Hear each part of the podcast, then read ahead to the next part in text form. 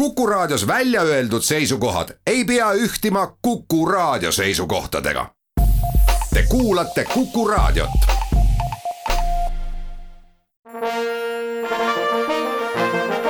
Vanemuise veerand. Vanemuise veerand alustab. täna on saates külas ooperisolist Karmen Puis, tere Karmen! tere, Tiiu! mina olen saatejuht Tiiu Rööp, tere kõigile teile, head Kuku raadio kuulajad! sel hooajal tuleb Vanemuises välja neli uut ooperit. üks on muidugi välja juba tulnud, Linda di Chamonix. veel on tulekul Don Giovanni, novembris on selle esietendus, Tristan ja Isolde, veebruarisse on plaanitud esietendus, ja mais Põrgupõhja uus vanapagan. sellel hooajal on kavas ka kolm varem välja tulnud lavastust. me räägime ooperitest Carmen, Jevgeni Oneekin ja Regiõpetaja. just nii. ja kõigis neis nimetatud lavastustes sa laulad jah, tõesti, ma laulan neist tõesti absoluutselt kõigis seitsmes, just. kui me võtame nüüd heliloojate järgi, Donizetti, Mozart, Wagner, Ardo Randvarres, Bizet, Tšaikovski, Eduard Tubin. kelle muusika neist suurmeestest on sinu jaoks kõige omasem hmm,? sa kohe küsid niimoodi oh, ma ei oska sellele päris niimoodi otse vastata, et kõige omasem. Neil kõigil on omad võlud. kui ma nüüd nõnda, ma, mul on vist lihtsam minna isegi mingis mõttes võib-olla rolle pidi praegu. osasid ma muidugi veel ei tea, kuidas nad välja nägema hakkavad või kostma ja kõlama. aga mulle väga meeldib Tšaikovski ehk siis Jevgeni Onegin. mulle meeldib väga Tubin sest et minu meelest on see täiesti geniaalselt kirjutatud lugu ja väga suurepärane muusika, ehk siis reigiõpetaja. Mozart on mulle alati meeldinud, ta on mingil moel väga raske, aga samas ka väga lihtne. Ja ka kergesti kuulatav, et võib-olla siis nõnda, et teised on noh, võib-olla mitte hetkel, mitte et mulle nad ei meeldiks või et ma nendega ei suhestuks, aga, aga jah, et kui sa küsid, et mis on nagu kõige omasem, siis võib-olla need kolm. palusin sind saatesse külla seetõttu, et riigiõpetajat mängitakse sel hooajal jälle ja vaid kahel korral. seitseteist oktoober on üks etenduse kuupäev ja teine kuupäev on üksteist november. kas need on nüüd kaks viimast korda?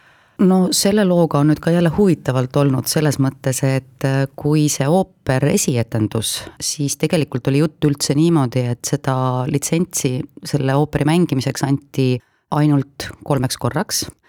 kui ma nüüd õigesti mäletan, siis esietendusel käis ka Tubina poeg ja minu meelest sealt kuidagi ikkagi läks edasi niimoodi, et Vanemuine sai võimaluse seda lugu mängida rohkem, kauem. Ja nüüd teda vahedega on mängitud siis nüüd siiamaani ja nüüd tõesti see lugu oli nii-öelda meie keeles riiulis.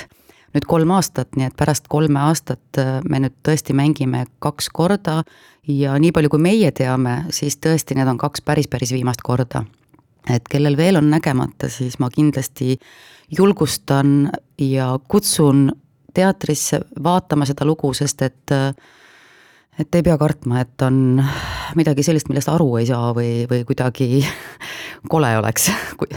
no lugu on muidugi väga dramaatiline ja kurb ja õnnetu, õnnetu lõpuga mingis mõttes, aga aga ma usun, et Eesti klassika tasub kindlasti ikkagi vaatamist-kuulamist.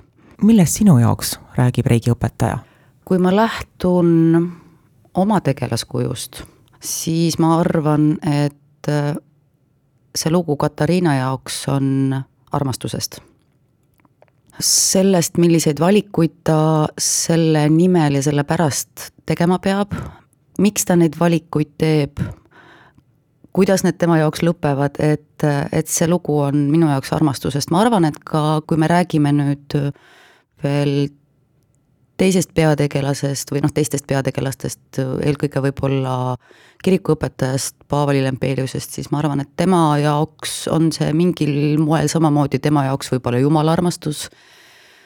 ma ei oska öelda, ta, see lugu on veel kindlasti ka sellest, kuidasmoodi ühiskond survestab äh, mingisugusel hetkel või, või stigmatiseerib mingisuguseid teatavaid asju, mis võib-olla ei ole normipärased kuidasmoodi näidatakse näpuga, et kui sa ei ole täpselt selline, nagu on kõik teised sinu ümber, mis siis, et võib-olla nad oma sisimas tahaksid teha mingeid asju täpselt samamoodi, aga nad kas ei julge või, või teevad salaja ja näitavad ikka näpuga, ehk siis midagi sellist võib-olla. riigiõpetaja tuli välja kaks tuhat neliteist, sellest on päris mitu aastat mööda läinud. kas sinu Katariina on ka selle aja jooksul veidi muutunud? Ma arvan, et kindlasti on, kui palju ta nüüd jälle praeguseks muutunud on, seda, seda ma oskan öelda siis, kui meil hakkavad jälle nii-öelda taastusproovid, sellepärast et et me ikkagi viimati mängisime teda aastal kaks tuhat kaheksateist. eks sellest on ka kolm aastat mööda läinud ja vahepeal on juhtunud igasuguseid asju, et ma selles suhtes ei tea, aga, aga, aga ma usun, et iga roll ajas ikkagi muutub, sest inimene muutub, kes seda rolli mängib. Ja kindlasti, kindlasti ma leian seal iga kord mingisuguseid uusi külgi, uusi tahke, midagi, millele tähelepanu rohkem pöörata või, või kuidagi sedasi. me teeme jutuajamisse väikese pausi. Vanemuise veerand. kuku raadios on külas Vanemuise ooperisolist Karmen Puis, saatejuht on Tiiu Rööp reegiõpetaja lavastas Roman Baskin ja kui me mõtleme tema lavastaja tööde peale, pika rea suurepäraste draamalavastuste peale, siis meenuvad selles pikas lavastuste reas Mozarti Figaro pulm Estonias ja Rasmus Puuri ooper Pilvede värvid, samuti Estonias ja siis reegiõpetaja Vanemuises. me võime öelda, et Roman Baskin oli eelkõige draamalavastaja.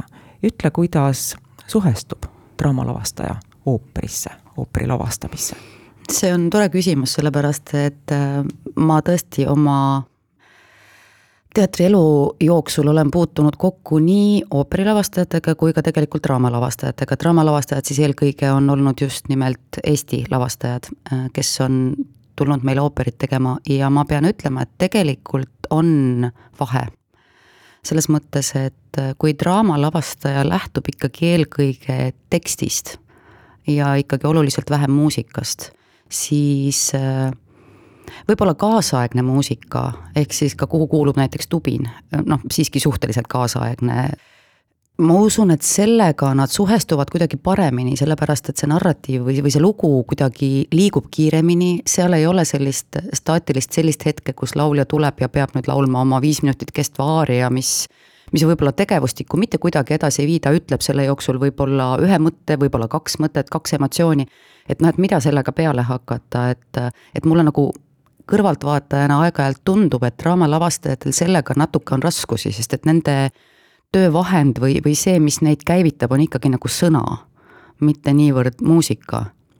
et vot see vahe on minu meelest ja, ja mulle tundub, et ka romaani puhul oli see, et ta lähtus hästi palju sellest loost ja, ja nii-öelda selle, nende tegelaste psühholoogiast ja see on kõigile draamalavastajatele, kellega mina kokku olen puutunud, hästi omane, et nad, nad püüavad pigem, kuidas ma ütlen, seest, seest välja teha seda rolli või, või seda lavastust mitte väljast sisse, ehk siis mitte läbi välise, mitte läbi skeemi misansstseeni, vaid, vaid läbi kõige paremas mõttes Panso kool või Stanislavski. nii nagu me juba korra ütlesime, riigiõpetajat näeb seitsmeteistkümnendal oktoobril ja üheteistkümnendal novembril ja rohkem võimalusi meie lubada ei saa. ei julge küll, jah.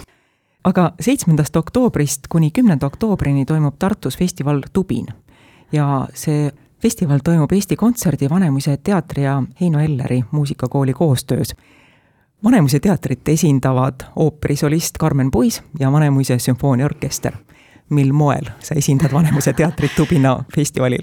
jah selle festivali peaorganisaatoriks on Mihhail Kerts ja ma tean, et tema ja Vanemuise sümfooniaorkester, neil on Vanemuise kontserdimajas suur kontsert ja see, mis nüüd mind puudutab, see on selline kammermuusika või kammerkontsert ja see on Tubina saalis Elleri muusikakoolis kaheksandal oktoobril ja seal samamoodi Mihhail Kerts, tema ise mängib klaverit, seda mm, kontserti modereerib, kui nii võib öelda, Joonas Hellermaa.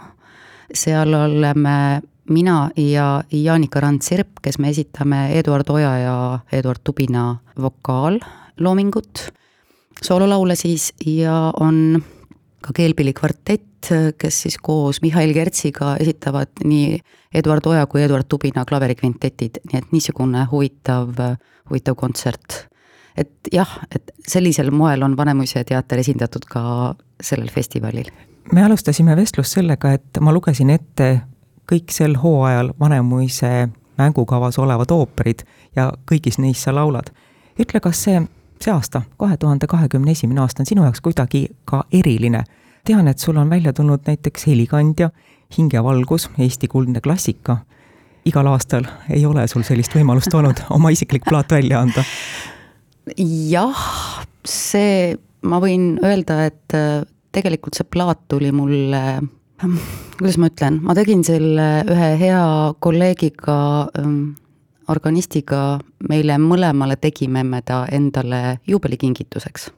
et see oli tegelikult täitsa sellise tähendusega, et mõtlesime, et poolsada aastat sai täis, et midagi võiks olla sellist, mis kuidagi seda natuke märgib, kuna pidude pidamisega sellel ajal oli nagunii keeruline, kui see sündmus tegelikult päriselt oli, siis siis me mõtlesime, et teeme midagi iseendale. Ja vot nõnda see sai tookord tehtud ja nii et võib öelda, et tõesti selles, selles mõttes see eriline on, sest et kuigi samas mm, jälle huvitav kokkulangemine, teine plaat, mis on olnud minu kaasosalemisel, mis on välja tulnud, on seesama riigiõpetaja tegelikult.